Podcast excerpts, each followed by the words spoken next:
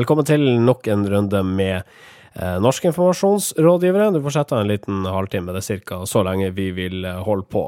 Jeg heter Marius og er med meg Sindre, hallo. Hallo. Hvordan står det til? Jo, det står eh, ganske bra til, vil jeg si.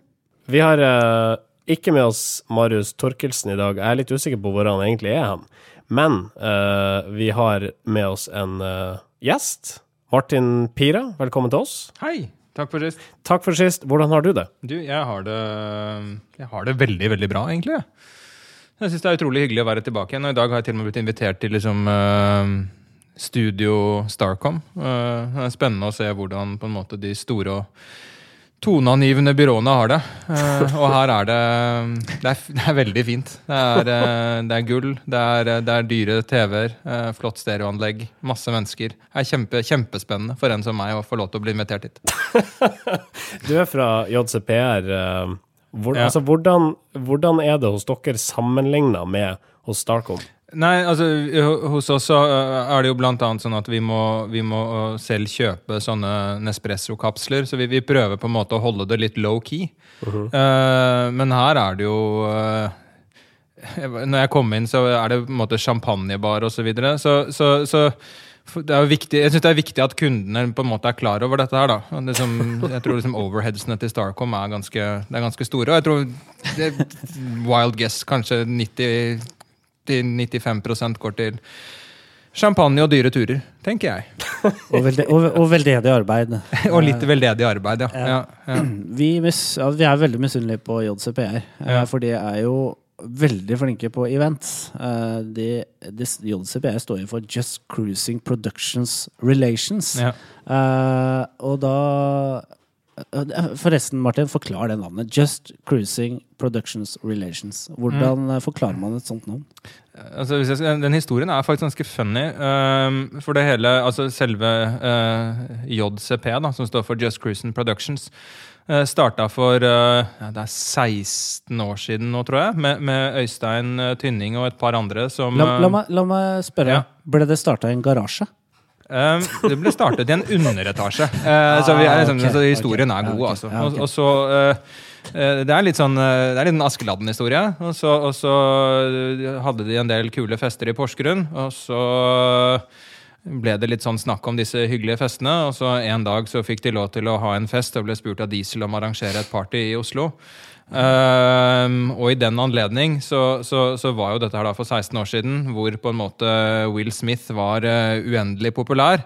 Og disse gutta som drev dette lille eventbyrået, de fant ut at eh, de var veldig kine på å dra på et cruise. Og hvis de skulle tjene noe penger på det, måtte de sette opp et selskap. Og hva mer naturlig da enn å kalle selskapet Just Cruisen Productions? Så det har faktisk en story, og så har vi kommet på med PR etterpå. Så kan du si at Just Cruisen Production Relations, det er litt eh, teit. Så vi sier, eh, tro det eller ei, Sindre, bare JCPR. Ja, ok. Ja. Ja. Og i, i dag så, så åpner vi faktisk også JCPR i Sverige. Grattis. Dere? Tusen Fantastisk. takk. Tusen takk, tusen takk. Mm. Vi har snakka nok om oss sjøl Ja. nå. Uh, Oslo katolske bispedømme er sikta for grovt bedrageri av rundt da 50 mill. Pengene skal de ha tilegna seg gjennom å ha juksa med medlemslistene. Altså har de meldt inn folk i menigheter som da ikke har samtykket i å la seg melde inn. Og til og med buddhister har altså blitt innmeldt her, skriver VG.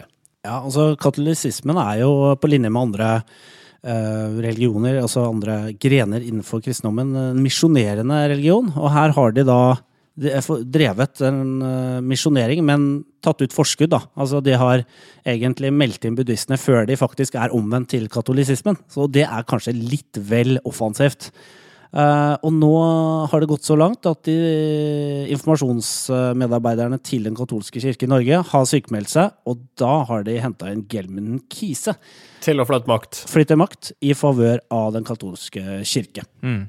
Men hva har pengene gått til? Er det, er det noen som vet det? Er Det liksom på en måte, det har jo ikke gått til på en måte dyre sikarer til biskopen. Har det gått til på en måte altergutter? Hva, hva, er det de har, hva det de har brukt pengene til? Jeg, jeg antar at det har gått til nattverd. Altså Nattverd. Glutenfri nattverdkjeks er sikkert mye dyrere enn vanlig. Chateau Motoro Rochille, nattskille, sånn, sånn vin istedenfor? Det tror jeg. Altså. Ja, ja.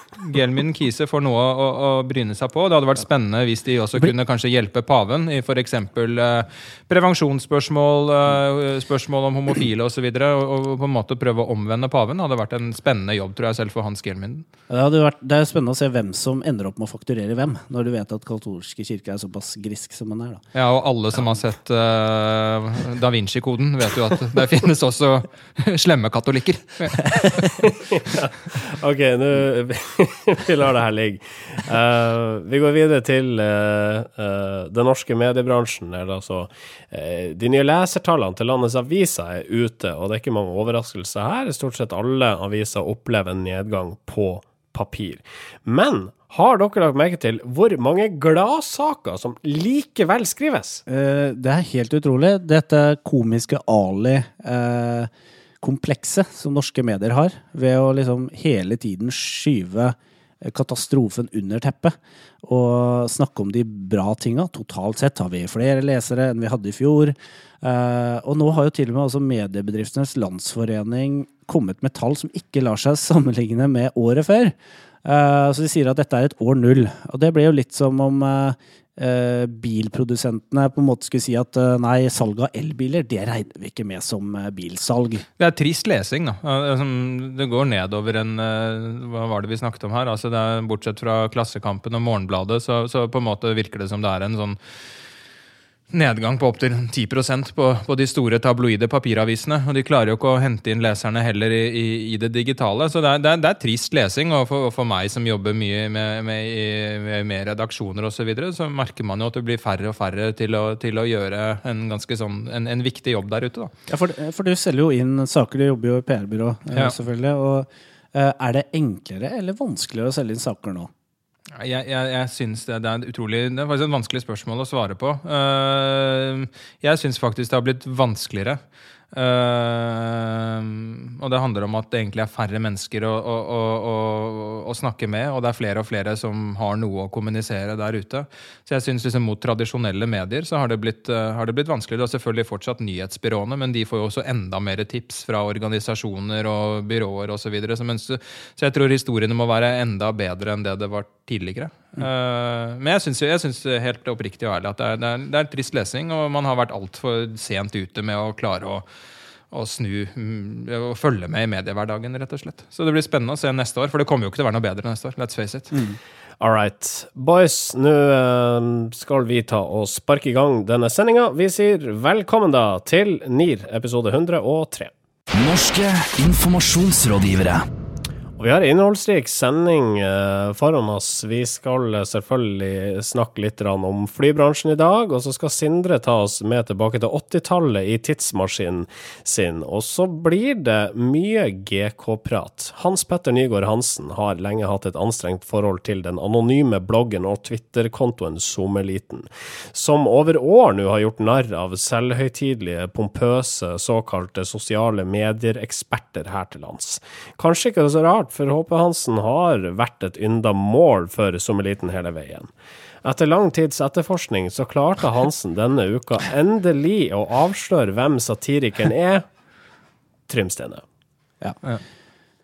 Uh, det skjedde med et smell, vil jeg si. Jeg var ferdig på trening her uh, tidlig i denne uka og kom fra trening og skjønte at Facebook var i fyr og flamme. Det var mange som spurte meg om eller har du sett dette her, og diskusjonstrådene på Facebook var lange som hans Petter, Hans, Hans Petter Nygaard Hansen-utgreiinger uh, om sosiale medier. Så det var veldig lange.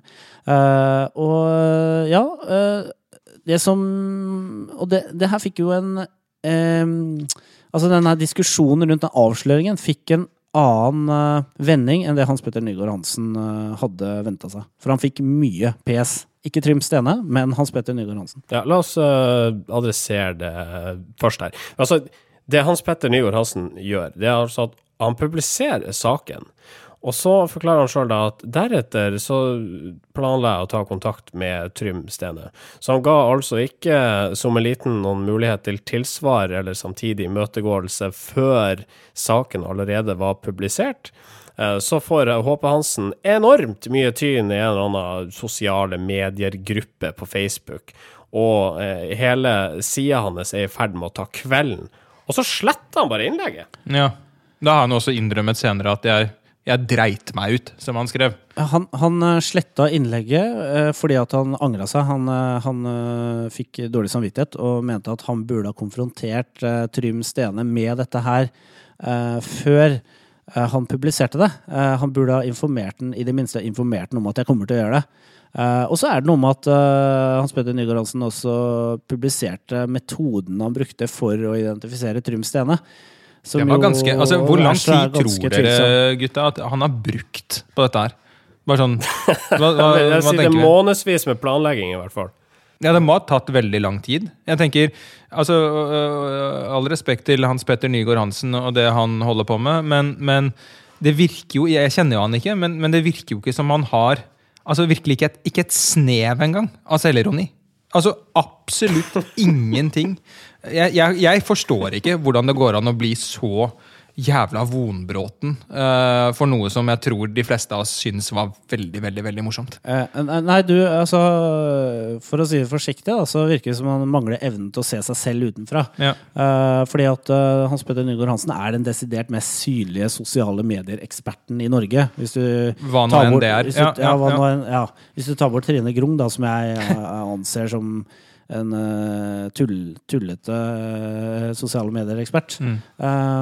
Eh, og han Uh, og han er ikke klar jeg synes Det virker som han ikke har den innsikten i at når du er så synlig som du er, så står det også laglig til for hugg og, og satire. Og, og de aller fleste eh, oppfatter jo satire som en sånn anerkjennelse. På en måte at ok, jeg er så synlig, ja. Ok, da, da Ja, ja, men jeg tror retorikken til, til eh, vår venn Hans Petter her er jo det at uh, sosiale medier-eliten uh, var en anonym uh, både blogg- og Twitter-konto osv. Og, Mm, og det var vel det han reagerte på, ikke satiren i seg selv. Noe som hadde det ikke vært anonymt, så hadde han reagert på exactly den samme måten og følt seg støtt og vondbråten og lei seg. Men da kunne han ikke sagt det. Da måtte han sagt sånn jo da, den er å bli parodiert, og eh, dette er bare morsomt for oss som jobber med sosiale medier. Ja, jeg tenker Det sier mer om han da enn noe annet, når du bruker så mye ressurser på liksom, Det virker som han skal ta dem.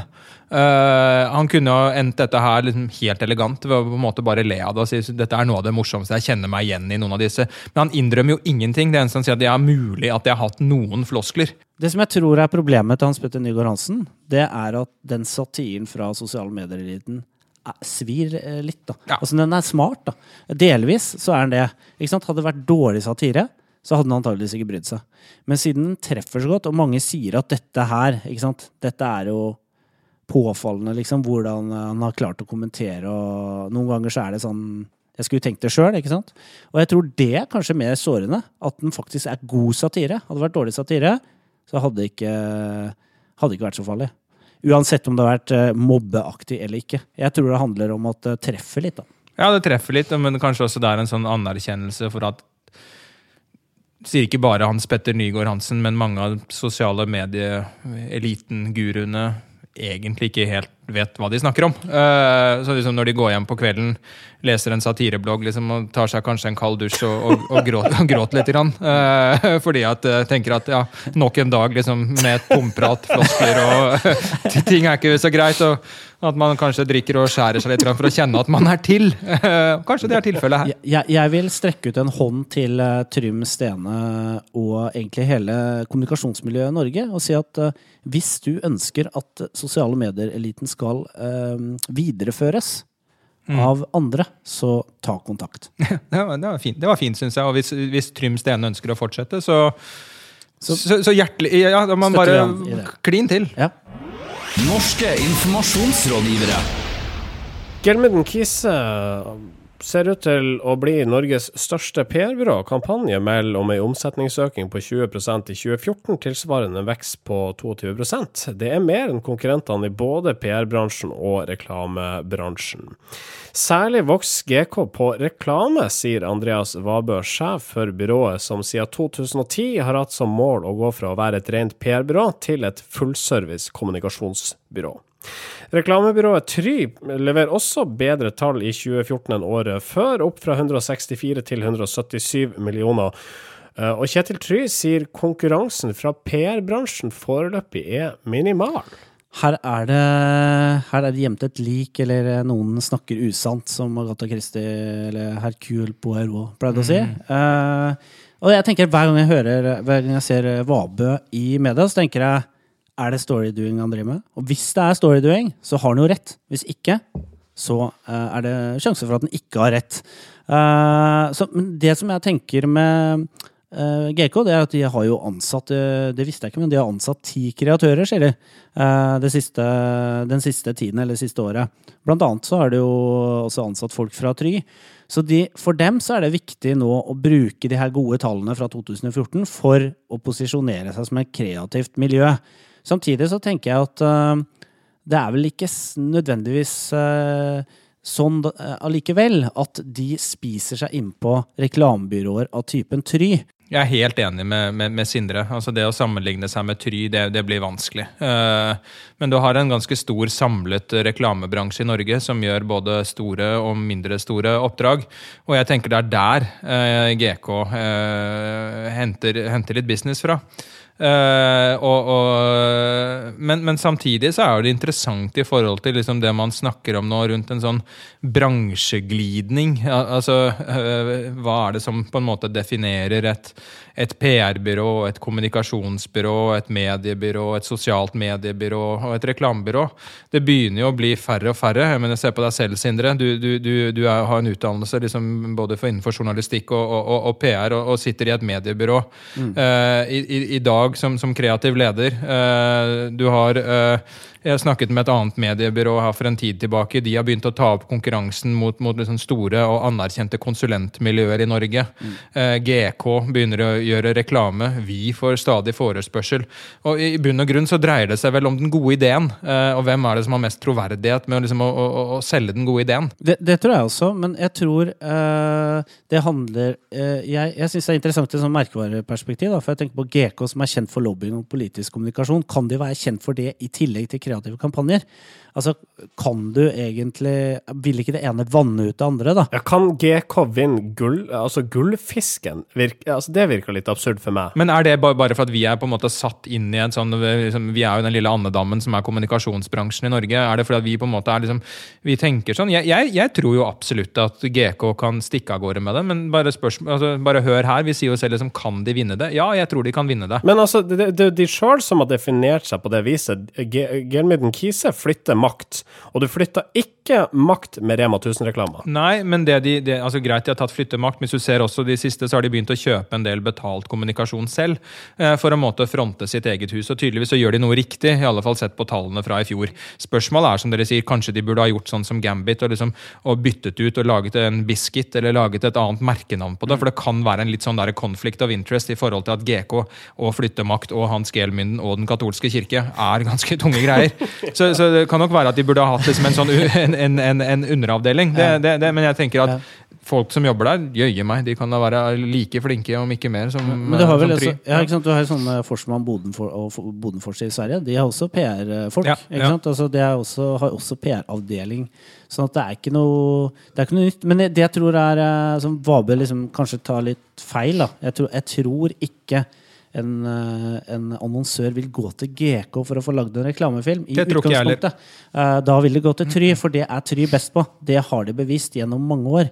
Eh, Så det- er noen sånn kjernekompetanse. Så man, man går ikke til, hvis man skal ha PR-tjenester, så går man ikke rett til Try. Men man kan gå til Try hvis man allerede kjøper andre tjenester og ser at PR-tjenestene kan verdiøke det man, man har kjøpt. Ja, men Tror du ikke det kan gå andre veien også, Sindre?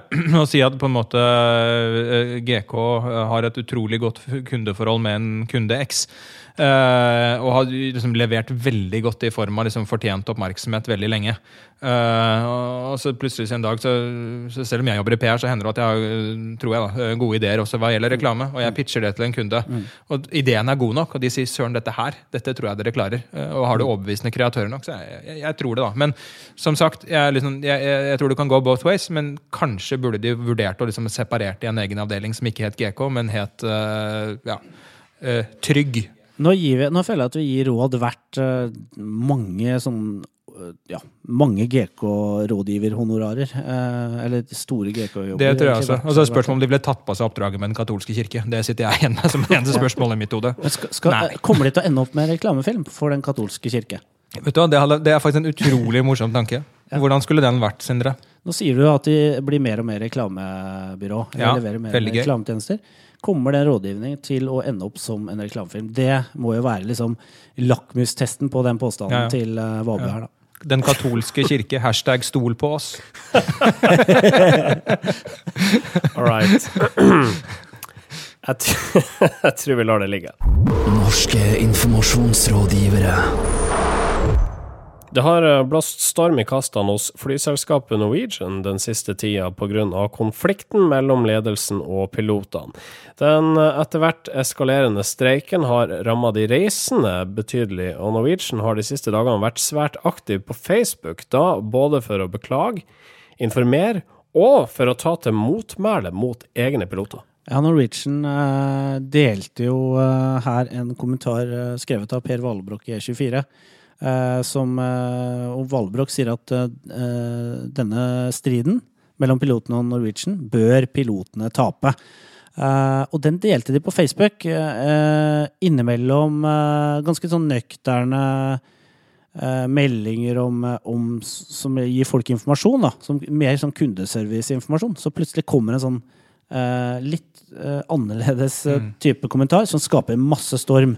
Eh, noen er helt enig med Norwegian, andre mener det er helt utidig. Ja, Det som er interessant, er jo en, en, eh, en fersk undersøkelse eh, fra, fra analysebyrået Hugov, som jeg mottok i dag tidlig. Det er ikke tull, altså. Det hørtes ut som en PR-fyr. Men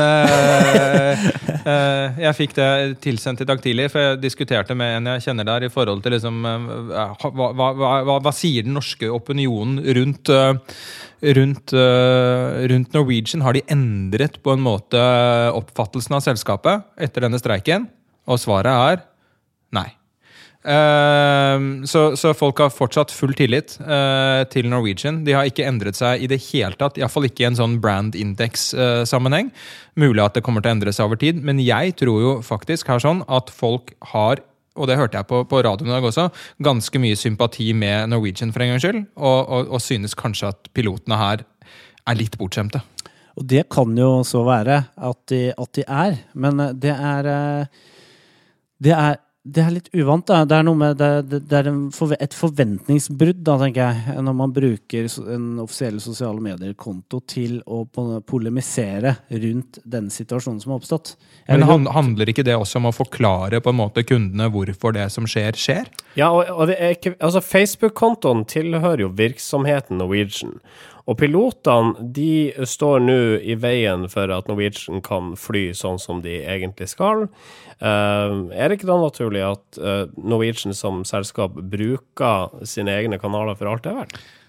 Ja, jeg, jeg har jo sansen for liksom, sånn helt transparent og åpent. Ja. Og her sånn var det jo på en måte en uavhengig tredjeperson som, som skrev noe. Det kan, ja, greit, det kan være litt sånn tvilsomt, men jeg syns jo Vallebrokk sin analyse av saken var god. Uh, så så jeg, jeg, jeg skjønner jo godt hvorfor de gjør det, for Norwegian er jo en litt sånn klein situasjon akkurat her. sånn. Det er mange ganger jeg mener at det Norwegian er feil, men akkurat her sånn, så, så tenker jeg at liksom, det hadde vært enda verre hvis de forklarte det selv. Altså Her er det i alle fall Per som, som, som, som gir en eller annen opinion som de velger å dele. Uh, og det er fine, uh, syns jeg. Jeg, eh, jeg, jeg er ikke enig, da. Jeg syns, syns det jeg, jeg tenker at det bidrar til å splitte Norwegian enda mer, da, som organisasjon. Jeg tenker at det er, det er viktig å skille ut den eh, konflikten som pågår mellom selskapet og pilotene som en arbeidstaker, arbeidsgiversak. Og så bruker man Facebook til å snakke til, eh, til de til, eh, de som skal ta flyet, da. Eh, og da bør man liksom unngå den type tematikk, da. Det er min kanskje gammeldagse oppfatning. Ja, jo, jeg, jeg- ser den, men jeg tenker for meg som, som, som på en måte reisende også, som sitter der av en av de 35 000 og ikke forstår noen ting, og du får en eller annen, i alle fall en eller annen form for forklaring uh, på Facebook-sidene, så tenker jeg at det kan, det kan være nyttig for meg. Uh, og så tenker jeg Det må jo være en utrolig frustrerende situasjon, både for pilotene og for, for Norwegian, den der skvisen de er i. Eh, så, så jeg tenker for meg som passasjer, hvis jeg sitter der og er forbanna og leser det der, så vil jeg kanskje bli litt mindre forbanna. For det er veldig lett å, å, å rette eh, på en måte pinnen eller fingeren på, på Norwegian med en gang. Og her fikk du i alle fall et litt mer nyansert syn på det hele. Skal vi prøve oss på en tommel opp eller tommel ned for uh, Facebook-håndteringa til Norwegian under den pågående kon konflikten med egne piloter? Jeg gir tommel ned. Jeg gir tommel opp. Vi inviterte ikke deg hit for å være uenig med meg. Det var jo litt av poenget med at du skulle komme. Unnskyld. Jeg er jo som et sånn canvas. Du kan male meg hvilke farger du vil, Sindre. Vi liker uenighet uh, i Ja, ja. i Et panelet. strå i vinden. Ja. Det er bare Sindre som blir litt, eh, litt i stuss når han opplever at Ja, ja. ting går imot ham. Ja, Jeg er så vant til for så mye ja i Starcom. ja, ja. Jeg vokste opp sånn. Jeg har alltid, ja. Foreldre alltid fått ja hjemme. Ja. Ja. Tommel ned, tommel ned. All right, vi skal videre. Gutenberg, pergamentrull, tresko, brevdue, elektronikk, fax, Nintendo 8-bit, CDR. Ja, jeg sender pressemeldingen på Telex. Sindres tidsmaskin. Ja, fra en farkost til en annen. Vi skal ut av Norwegians Dreamliner og inn i eh, bestyrer Holmes tidsmaskin. Det stemmer. Jeg vet ikke om Martin om du har vært med i en tidsmaskin før. Det er jo en eh, enestående farkost. og Ingen har klart å lage en tidsmaskin eh, verken før eller etter den, eh, denne tidsmaskinen her. Hvor var det du bygde den?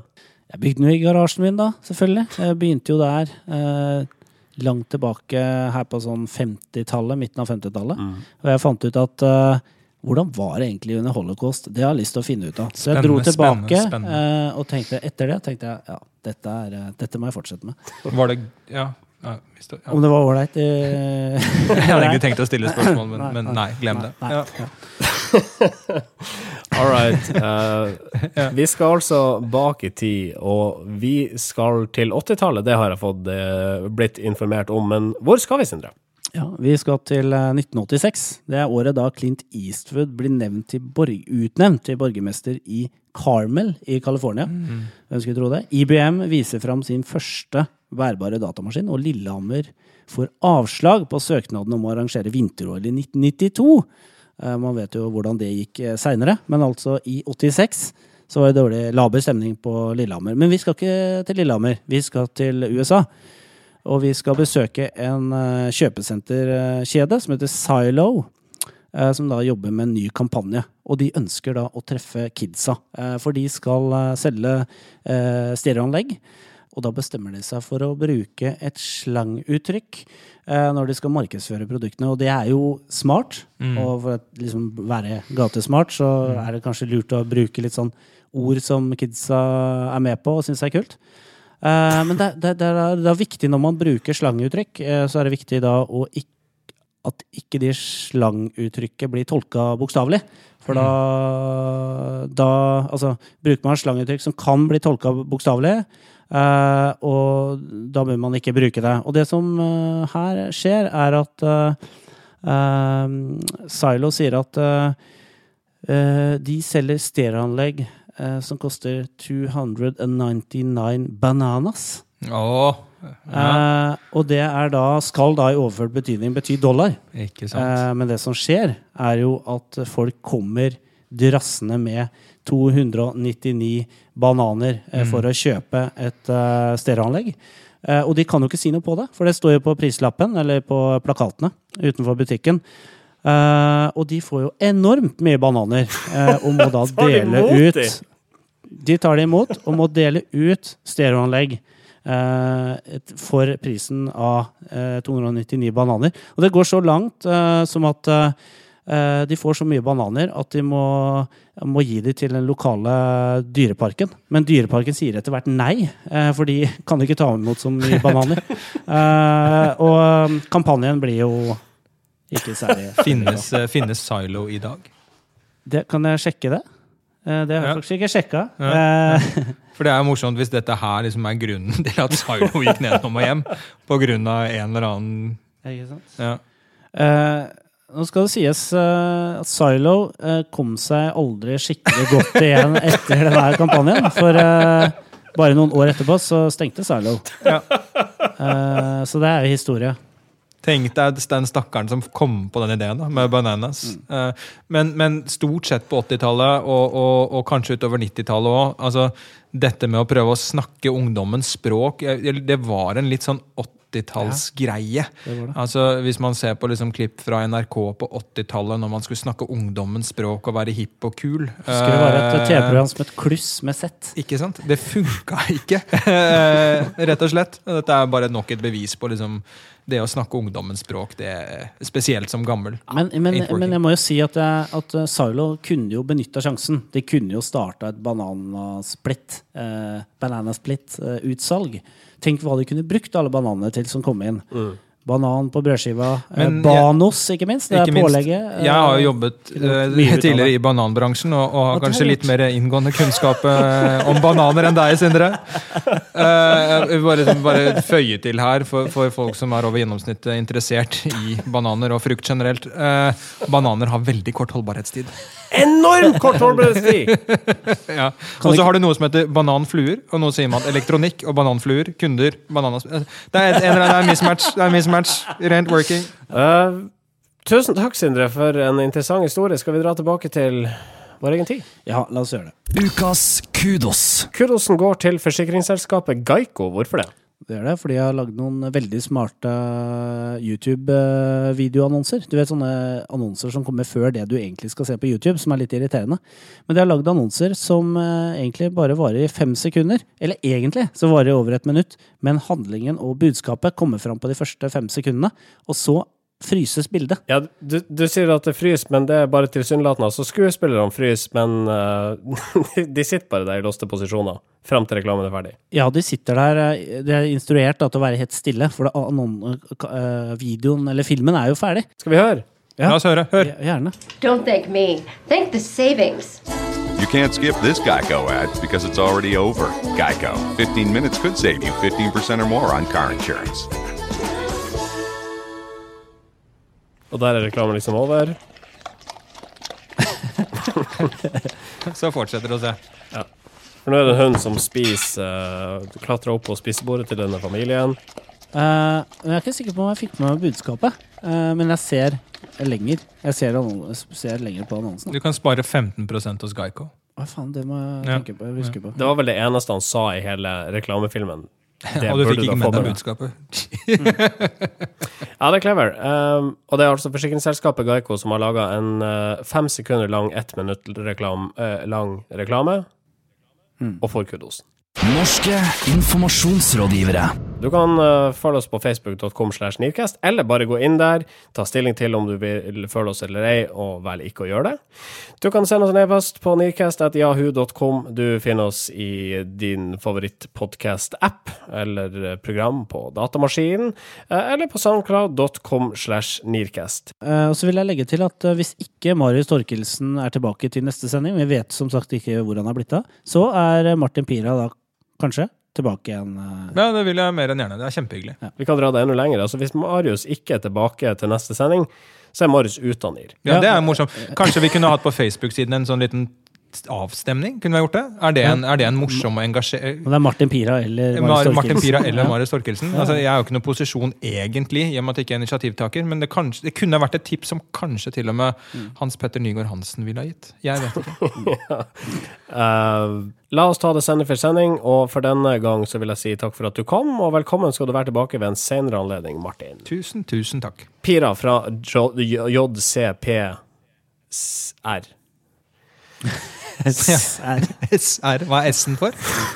Staulen. Sindre, det hadde vært artig å også ha deg her. Takk for at du deltok. Jo, i like måte. Så høres vi igjen om en uke, da. Ha det. Ha det godt. Norske informasjonsrådgivere.